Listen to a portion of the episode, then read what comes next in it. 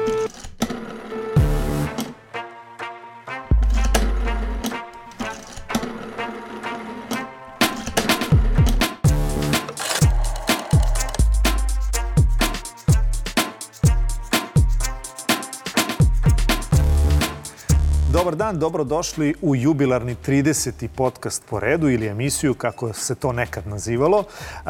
Moj današnji gost je Predrag Milovanović, član Udruženja tužilaca Srbije, ali pre početka same emisije, samo da napomenem način na koji komuniciramo, to jest na koji vi šaljete vaša pitanja i predloge, eventualno i za gostovanje u ovoj emisiji, to je Viber broj 069 893 0023, Facebook, Instagram i Twitter mreža Pitajte Đuru i e-mail adresa pitajteđuru.nova.rs. Kao što sam najavio, e, rekao sam da će današnja tema biti stanje srpskog pravosuđa. Pa možda jedan od onih ljudi koji e, je redkost e, da prosto imate mogućnost da postavite pitanje i da hoće da vam odgovori i da izađe u susret ne samo novinarima, nego uopšte javnosti je Predrag Milovanović. Dobar dan, dobrodošli. Dobar dan, bolje vas našao. Hvala na vašem pozivu. Kad kažemo kakvo je stanje srpskog pravosuđa, to se najverovatnije ne može odgovoriti u, u jednoj rečenici, a možda ni, ni u, u, u roku od pola sata. Ali evo pokušat ćemo. Dakle, kad vas neko sa strane od kolega vaših koji nisu iz Srbije, pretpostavljam da, da, da putujete na te simpozijume gde, gde se nalazite sa vašim stranim kolegama, kad vas pita kako je tamo kod vas, samo vi kažete?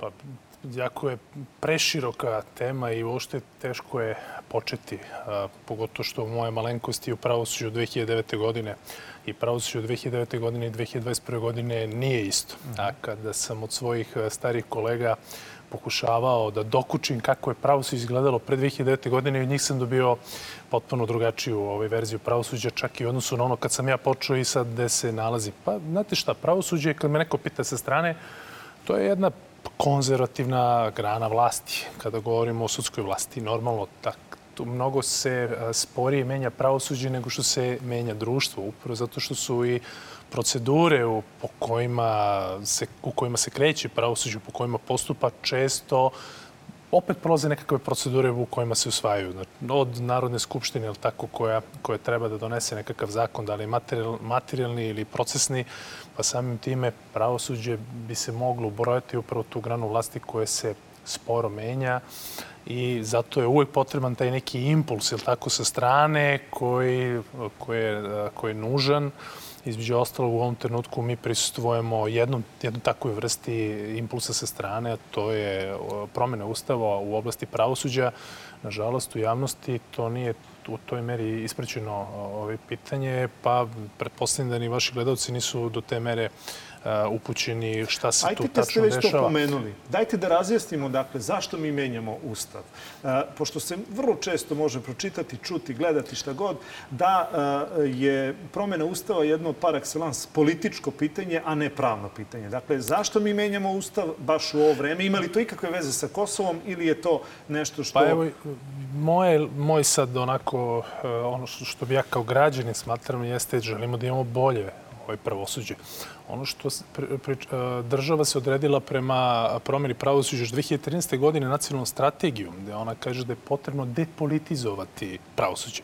Dakle, na neki način kroz tu strategiju i sama država priznala da je pravosuđe pod nekom vrstom političkog uticaja. I sada budemo tu precizni šta znači politički uticaj. Pa sve način izbora sudija i tužilaca jeste jedan, da kažem, politički proces, obzirom da se naše sudije i tužilci biraju u Narodnoj skupštini. Setite se, Ustav iz 2006. godine, već 2007. godine mi smo imali mišljenje Venecijanske komisije koje su o tom Ustavu izrazila poprilično negativno, pogotovo u tim rešenjima koji se tiču samog izbora sudija i tužilaca. Već od tada, pa imali smo jedan, ako moram da vas vratim još malo nazad, 2009. 2010. godine, pod paskom promene Ustava smo ušli u onaj opšti reizbor sudija i tužilaca koji je ocenjen kao, kao sraman, jedan... jedan Veoma loš. Ne, jeste jedan nečastan prizor u kome se čak i Ustavni sud u, svojim, u jednoj svojoj odluci izrazio vrlo negativno govoreći kako je i ta revizija reizbora koja je potom usledila urađena uz mnogobrojne proceduralne pogreške. I to je sve stvorilo jedan loš, loš utisak u pravosuđu. 2013. godine je oformljena jedna radna grupa koja je široko analizirala pravosuđe i učeno je upravo to da je jedna od osnovnih kapitalnih zamerki upravo bilo to. Znači da je pravosuđe pod nekom vrstom političkog uticaja i da je potrebno ga depolitizovati. Ali osam I, godina kasnije gde smo? E, osam godina kasnije mi se nalazimo na pragu ustavnih promena. Da, a, to je ono što možete videti jeste da postoji sada tekst koji je bio pred Venecijanskom komisijom. Venecijanska komisija je pozitivno, na čelu pozitivno ocenila taj tekst koji je radio odbor za, za pravosuđe, odnosno radna grupa koja ga je predložila odboru, pa odbor usvojio. Sad ne bih slušalce previše sad zamarao tom proceduralnom problematikom. U suštini mi jesmo u osvit nečega što se zove promene Ustava u oblasti pravosuđa i one će doneti, po mom ličnom uverenju, određene evolutivne pomake. Ne smem reći revolutivne, jer do revolucije, onako kako ja vidim da bi tužilo što treba da izgleda u nekom vremenu, su potrebne još neke izmene koje se neće naći u ovom tekstu. Normalno, zavisi od toga da li će građani na referendumu. Pre svega imamo, moramo proći neku proceduru u Skupštini, dve trećine poslanika mora osvojiti taj tekst, pa posle referendum. Znači, ovaj saziv bi to treba da završi i po onome koliko vidim, vladajuća elita ima volju da promeni ustav u tom delu između ostalo, pre svega zbog građana, jer je to tendencija, ali moramo da ruku na srce staviti, negde i Evropska unija je sa svojim zahtevima i svojim negativnim izveštajima, prošli je bio, kako se sećam, izrazito negativno, jer nismo otvorili jedno poglavlje, danas možete čuti ipak reči hvale. Evo, afirmativno se gleda na to eh, što je, što, što je urađeno u oblasti eh, ovih, da kažem, u, u pogledu ustavnih amandmana, tako da je iznijansirajte te izveštaje kada je u pitanju pravosuđe, ocenjuje se da ima nekih pomaka, nekih iskoraka. Ali kako možemo govoriti o pomacima, iskoracima ako mi maltene svakodnevno možemo čuti rečenicu zašto tužilac ne reaguje. Dakle, tu rečenicu ćete čuti za, za najbanalnije stvari uh, pa do onih krupnih afera koje potresuju naše društvo poslednjih uh, decenija. Da sad ne uzimamo samo ovu vlast, nego prosto to se dešava. Teško je Gde braniti, ste vi? Teško Gde se nalazite? Mi se nalazimo u jednom svojevrsnom limbu, da ne kažem mehuru.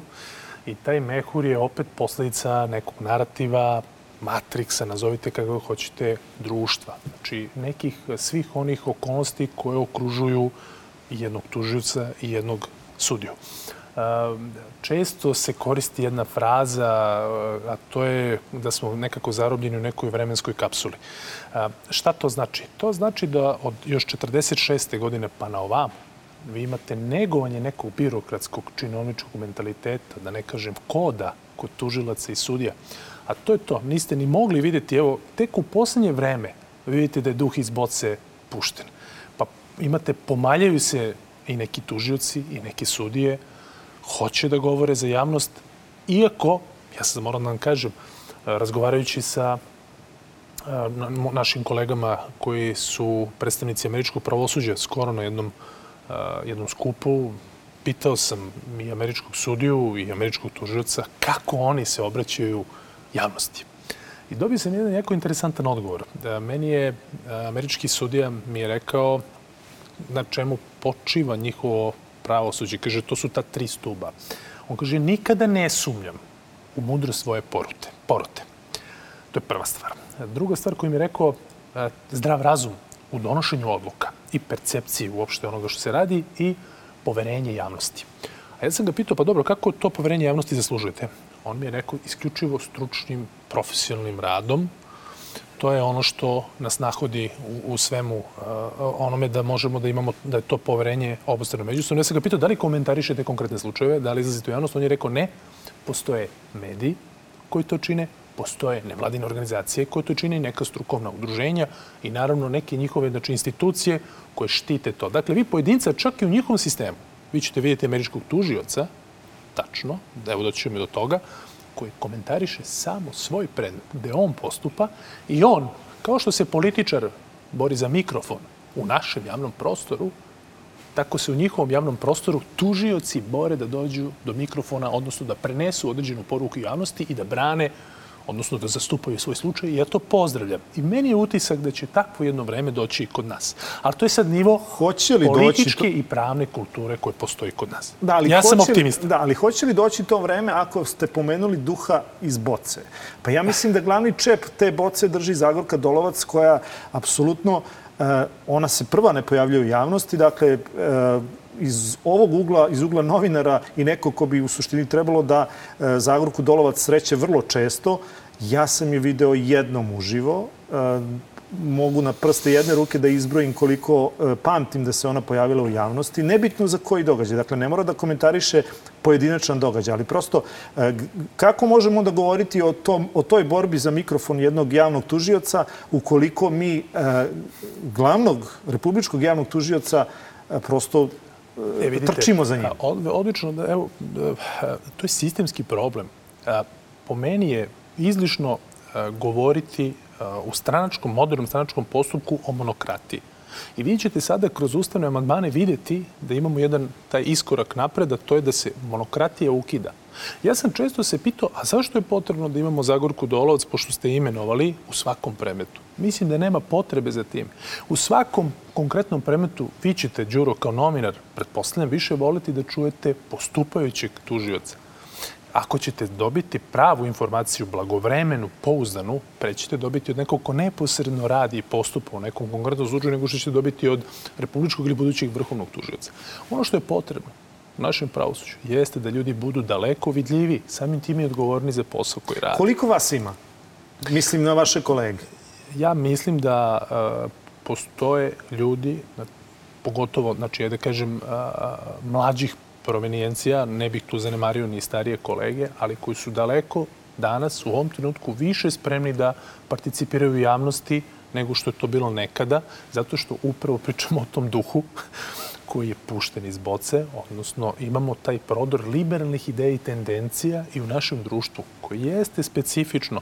Mi, mi stalno... Ali imamo... sem vas i, i sudije Majića, recimo. Da li, evo, kažite mi vi, ko je toliko zastupljen u javnosti da, da iznosi bilo koje informacije koje su uh, u, u zakonskim okvirima? Dakle, vi ne možete da govorite o nečemu što pa evo, zakon ne ovlašćuje, ali... Vi tražite od mene konkretne imena, evo ja stvarno Ne morate mislim, konkretna ne, imena, dajte, imate, dajte broj ljudi, dakle teško je tu optirati sa brojem ljudi i odgovoriti konkretno na to pitanje. E, vi imate ljude koji nisu neko bi rekao te, televizični, jel? nisu ljubitelji da stanu ispred kamera i da objašnjavaju ovaj, kako postupaju na konkretnom predmetu. Smatraju da postoji por parol tužilaštva koji bi o tome trebao da obavešta mhm. javnost ili tužilac.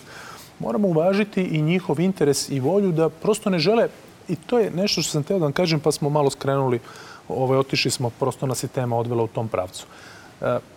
Uh, federalni tužilac, znači u Americi, ima tu jednu vrstu potrebe. Znači, vi kod nas imate jedan etički kodeks, znači koji je poprilično se može dvosmisleno tumačiti. Kaže, ne biste trebali da istupate u javnosti da ostavite nekakav utisak pristrasnosti.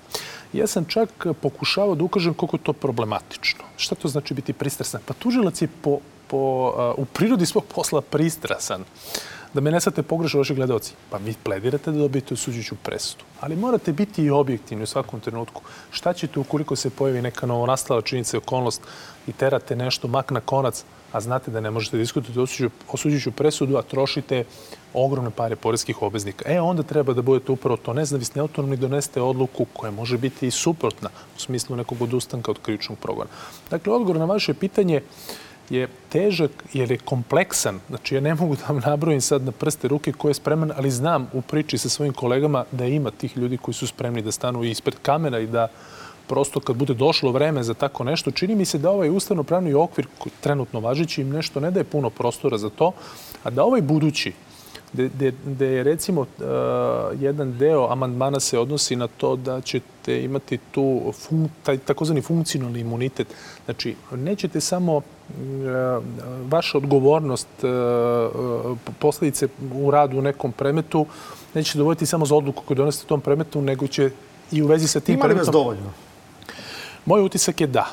Moj utisak Koliko je da... Koliko si na 700? Koliko vas pa oko 700 tužilaca. Sad to je varijabla obzirom da imate ljudi koji odlaze u penziju, neki čak na lični zakup. Da možemo najplastičnije da, da pojasnimo ljudima um, kako funkcioniše vaš posao? I možete li uopšte da ga radite u Srbiji onako kako vam zakon nalaže ili ste u tome sprečeni iz raznoraznih razloga? Pominjali ste jedan od, jedna od stvari je politički, politički pritisak. Ja ću da vam pričam u, u igrom slučaju radio sam neke predmete u kojima je postojala zainteresovanost javnosti. Lično, nikakav politički pritisak ja nisam imao u tim predmetima, iako je postojalo uh, postojala neka znatiželja javnosti šta se dešava, pa čak i zainteresovanost politike, kako će se ti predmeti razvijati. Međutim, da budem do kraja iskren, dakle, taj pritisak i nije neposredan, on je više posredne prirode. Dakle, imate neka očekivanja. Imate očekivanja vladajuće elite, znači političara, oni kao svaki čovek se, se kreće u nekakvom okruženju. I normalno je da je to neka vrsta posrednog pritiska. U svakom, znači, ono što je meni lično, više sam imao taj profesionalni pritisak kako, kako ću nešto dovesti do kraja, odnosno da li ću svoje zamisli moći da sprovedem. I tu često imate i neka neslaganja unutar organizacije kako bi trebalo da vodite neki postupak, ali čini mi se da sam ja u dobranoj meri uspeo da neke svoje zamisli provedem do kraja. Znači li recimo ukoliko uh, imamo jedan protest, Dobro. nebitno šta je tema tog protesta. Ali na protestu se čuju razni govornici koji izgovore razne rečenice koje optužuju određene ljude.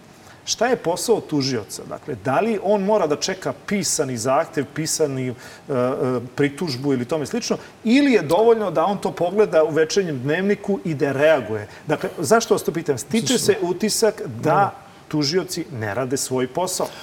Ja vam opet kažem, teško je braniti percepciju javnosti. Jer često to u svojim javnim nastupima i kažem. Nije potrebno samo da se pravda vrši. Mora, se biti, mora biti vidljivo da se pravda vrši. Ovo čemu vi pričate. Dakle, tužilac po, po ustavu i zakonu reaguje po službenoj dužnosti. Znači, vi ste dužni da gonite učinaca kriči dela ili konkretno, ako do vas dopre glas o čemu vi sad pričate... To vas pitam. Ne, ne, razumeo sam vas, da neću da širiti temu, pokušat ću da vam odgovorim što konkretnije. Vi ste prosto dužni da se za to zainteresujete na određeni način, obzirom da je to u prirodi vašeg posla i to je na kraju nešto što je vaša zakonska obaveza da, da reagujete. Znači, vi ste recimo duži, večera ste čuli na dnevniku određene optužujuće informacije, a, sutra ujutru kad dođete na posao da pokrenete postupak. Čekajte, samo zavisi kakvi. I znate šta, opet morate da selektujete. Mi u današnjem javnom diskursu imamo toliko informacija. I više, čak neki puta i sam prateći ono što se dešava u javnom diskursu, pitam se šta je od ovoga istina, šta nije. I da li to namerno urađeno? Verujte mi, ali da li mi imamo resurse da možemo da istražimo zaista svaku informaciju. Nemate, ali Nemamo. u toj kakafoniji e, prosto dolazimo Treba... do toga da one krupne stvari prolaze. Opet je, kažem, teško je taj utisak javnosti i ja da, da branim. E, moj utisak je da tužiloštvo bi trebalo tu da bude proaktivno. Na kraju krajeva mi smo čak negde i kroz neke interne instrukcije, ako se ne varam, pred nekoliko godina, baš od Republičkog tužiloštva dobili jednu vrstu uputstva gde treba proaktivno postupati znači, u stvarima koje, dakle, to nije servirana priča o kojoj vi pričate da već imate na gotovo neku krivičnu prijavu koju je podneo građanin ili podnela policija, nego to je upravo i ono što imate u nekom javnom prostoru. Znači, meni su poznati slučajevi da je tužilaštvo, recimo na osnovu nekih medijskih natpisa za koje postojalo, pazite, mi sad ovde pričamo da li samo onim pukim podozrenjima, odnosno indicijama ili već nečem višem, recimo da je bilo nekog osnova, da to nije bila samo, opet zavisi o kom mediju je reč, šta taj medij plasira, u kojoj meri se može verovati takvu informaciju koja je izgovorio tu informaciju, kako je ona prenešena, da li je citirana, da li je izvučena iz konteksta, ali tamo da je zaista bilo, nazovimo mesa, tu je tužilaštvo bilo proaktivno i pravili su se na osnovu, meni je recimo, ja sam postupao u takvim nekim predmetima da malte ne imate isečak iz novina i to je potrebno proveriti. Da? Koliko, koliko tužilaštvo e, košta državu Srbiju? U smislu e, suđenja u nerazumnom roku, dakle, vi imate vrlo često tužbe onih koji dobiju spor za, ili izgube svejedno za tužbu u nerazumnom roku. Dakle, ko, ima li neki prosek? Znate li statistiku? Verujte mi, nisam upoznat sa, sa tom statistikom. Zakon za suđenje, u pogledu suđenja u nerazumnom roku je relativno mlad. A, mislim da u mom, evo sad pričam stvarno u svom konkretnom slučaju, nisam imao da je neko podneo takvu vrstu zahteva pa se to proveravalo da li se postupalo u razumnom roku ili nije. Međutim, moram priznati da pored tog zakona i zakonskog okvira koji prepoznaje tu vrednost, vi imate i u zakoniku o kričnom postupku vrlo jasno načelo. Načelo procesne ekonomije načelo procesne efikasnosti koje vas teraju prosto da postupate u skladu sa nekim okvirima koji se tiču vremena i ono što sad vam pokušam da vam objasnim i resursa, mogućnosti da dosegnete do neke stvari. Znači, promišljeni, promišljeni tužilac će vrlo brzo i iskusan tužilac će vrlo brzo razgraničiti moguće od nemogućeg, odnosno zašta, će, zašta ima dokaze i u kom pravcu će ići takva istraga. U vašoj praksi, e, da li vam mhm. javnost pomaže ili odmaže? Ja sam u slučaju koji sam radio, gde je vaš kolega nominar bio jeste oštićen, meni je javnost bila saveznika. I to se videlo čak i u Ali ste zbog toga trpili pritiske od strane kolega? Jesam. E, da vam kažem, to, to potpuno normalno da u jednom takvom predmetu gde imate interesovanje publike, šire publike, da imate neku vrstu pritisaka. I u sudnici često imate, ne da je često, nego to, to je sastavni deo, jeste pravna borba, odnosno kontradiktornost. I ja sam čak i tu dozirao neke svoje nastupe javnosti, odnosno pokušao sam da ih iznijansiram i da objektivno uh, predstavim svoju ulogu u tom postupku. Dakle, ja nisam mogao da budem advokat gospodina Jovanovića. Ja sam ipak bio zastupnik javne optužbe. Dakle, za mene je na, na prvom mestu bio javni interes, ali naravno uz dužno poštovanje i uvažavanje interesa koji ima oštećeni u tom postupku. Duše, gospodina Jovanovića je najviše interesovala pravda kao ultimativno načelo i ja sam kao tužilac stremio upravo toj pravdi a to je da ishodujemo, znači, da utvrdimo šta se dogodilo tom kritičnom prilikom i evo očekujemo od suda, nadam se ovih dana, da vidimo presudu o, o apelacijnom sudu, pošto smo imali javnu sednicu, mislim, pre desetak dana. Pominjali ste Evropsku uniju. Jedna od stavki koju Evropska unija i tekako e, posmatra jeste korupcija. Uh mhm. -huh. a, za ono koliko vi radite, da li se korupcija, i kad kažem reč korupcija, ona se vrlo često, možda najčešće, e, povezuje sa pravosuđem. E, da li je korupcija manja ili, ili e, živimo u možda najkoruptivnijem vremenu poslednjih 30-40 godina? Vi opet imate neki utisak javnosti o, o tome. U ostalom vi imate i mnogobrojne teoretičare koji su se bavili temom korupcije i oni koji, recimo, ako se ne varam, tu su bila i dvojica nemačkih profesora koji su radili jednu sveopsežnu analizu, jedan rad o tome, e, baš o korupciji, odnosu pravosuđe prema korupciji. I oni su primetili jedan fenomen, a to je tamo gde postoji određen, e, jedno, jedno takmičenje između e, političara, odnosno između stranaka, gde je veća kompetitivnost, tu je manja korupcija. Tamo gde su institucije sistema, odnosno gde je gde je shvatanje građana o nezavisnosti i potreba institucija takva da je tu isto korupcija ovaj, manja. Tako da, zavisi šta smatrate i šta podrazumete kod korupcijom. Da li postoje koruptivne tačke? Postoje koruptivne tačke. Jedna od koruptivnih tačaka jeste i taj, da kažem, politički uticaj i zato idemo ka toj sveobuhvatnoj depolitizaciji pravosuđa, zato što građani vide da, A da je neka... idemo, e, predlažem, moram to da vas pitam, kako idemo kada imamo, kada imamo izjave sa najvišeg vrha, iako emisija pokušava da bude apolitična u smislu mm -hmm. partijašenja, već mm -hmm. onoga što je pomoć građanima u smislu da saznaju mm -hmm. pravu informaciju. Ali kako mi idemo ka depolitizaciji pravosuđa ukoliko imamo izjave sa najvišeg vrha države od predsednika pa svih njegovih ljudi, gde, gde, gde sudimo... Odlično Odlično je pitanje. Pre nego što je bilo kakav proces počeo. Pitanje je na mestu. Znači, ja vam pričam sa aspekta ustavno-pravnog okvira. Znači, depolitizacija gde se više sudije i tužioci neće birati u Narodnoj skupštini i gde neće da imati vladu kad su u pitanju tužioci kao jednoga u tom lancu, je tako, predlaganja tužilaca Narodnoj skupštini, vi ste već napravili jedan iskorak u budućnost. Dakle, Sad da ne o kom bi... vremenskom okviru kad to kažete pričamo? Dakle, ako idemo ka tome, kada to možemo pa, imati evo, u praksi? Ja, sad, ja opet moram da izlučim neke činjenice, odnosno da zaključujem glavne stvari na osnovu spornih činjenica. Po izjavama naših javnih donosica odluka vidimo da do kraja godine bi eventualno mogao biti referendum. Jer je intencija da za vakata upravo ovog saziva parlamenta kada se i mora ta ustavno-pravna procedura završiti, bi trebalo da dobijemo i upravo znači, promenu ustava. Apsolutno, evo mi smo u, da li znači, novembra. Da li to znači Ali da... molim vas, dozvolite mm -hmm, mi samo da odgovorim na pitanje.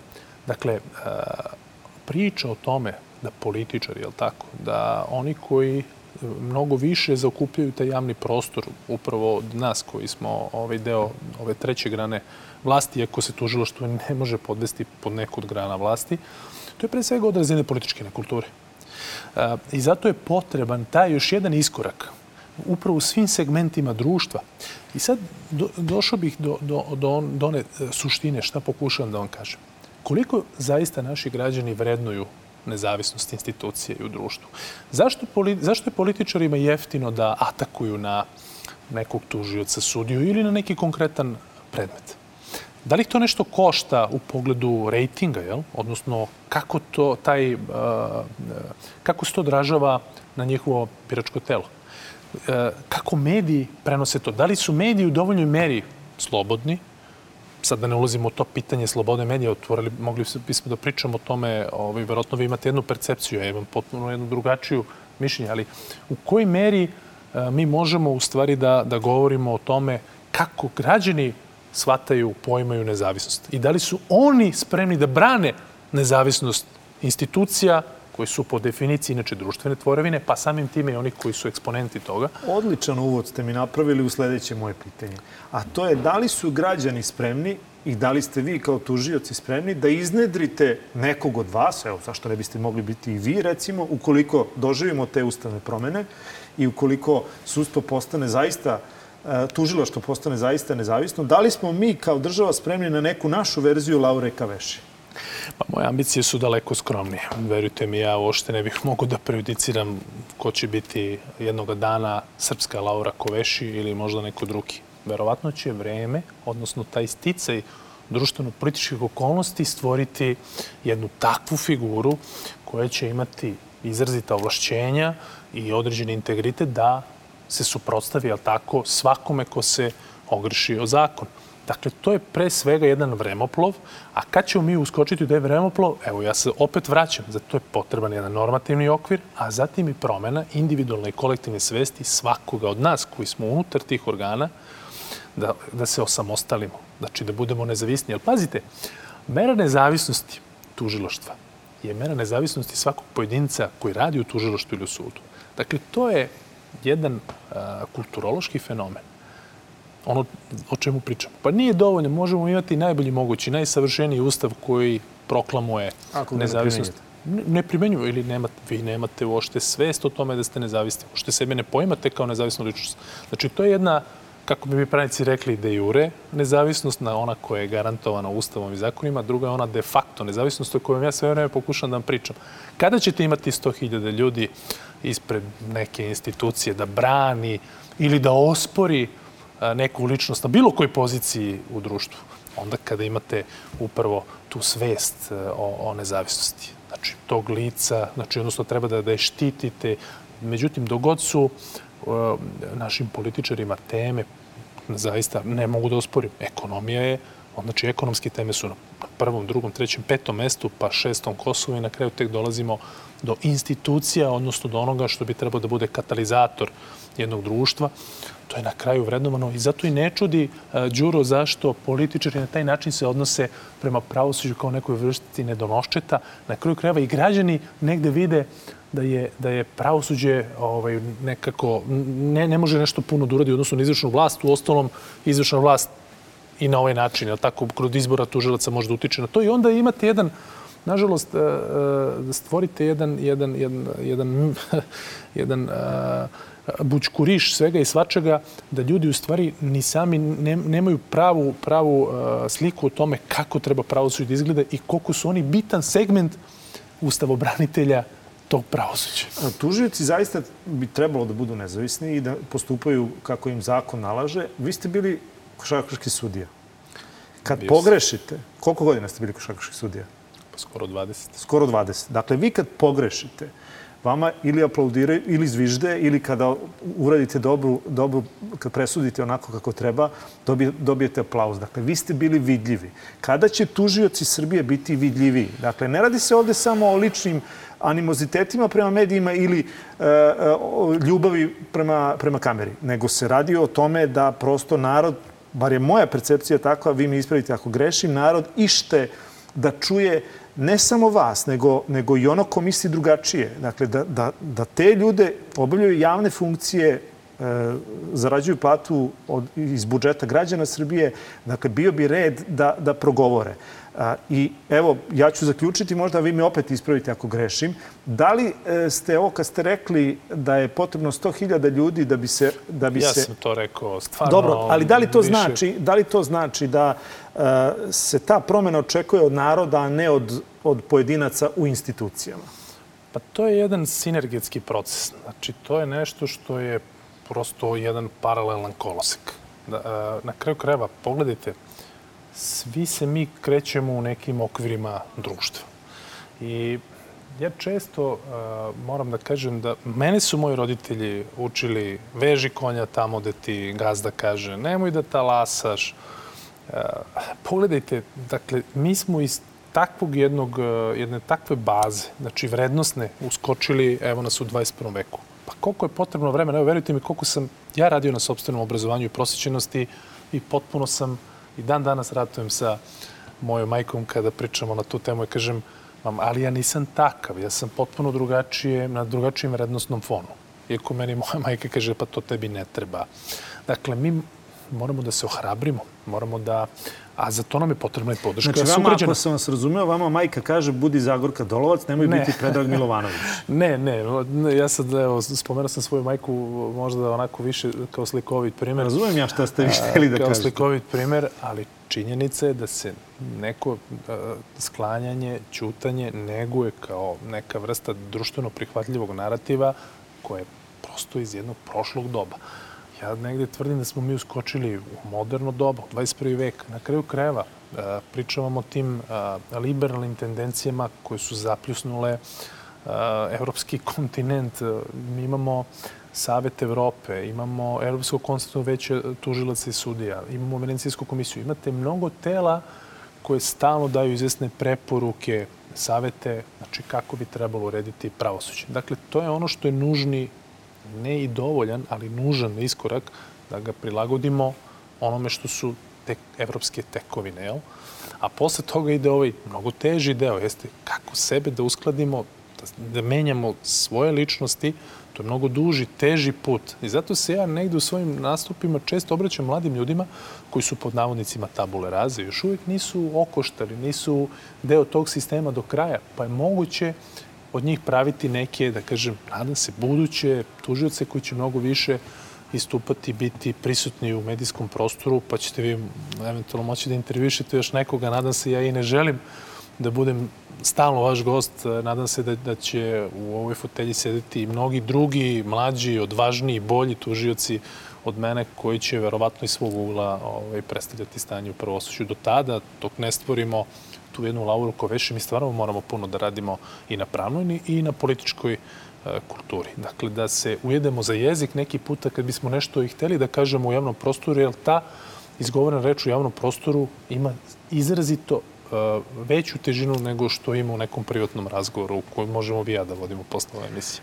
Hvala vam puno na, na vašim današnjim rečima. Nadam se da su uh, doprle do onih do kojih treba da dopru. Uh, hvala još jednom na izdvojenom vremenu i ja se nadam da ćemo mi ipak uh, u nekom skraćenom procesu doći do, do neke naše Laure Kaveši, pa makar, kako vi kažete, nećete to biti vi. Hvala još jednom. Iskreno se ja nadam. Hvala vam. E, moj današnji gost bio Predrag Milovanović, član Udruženja tužilaca Srbije, a sledećeg utorka od 15 do 16 časova Viber broj je otvoren za vaša pitanja 069 893 0023. Pišite i na Facebook, Instagram i Twitter mreže Pitajte Đuru ili vaše pitanje prosledite na e-mail adresu pitajteđuru.nova.rs.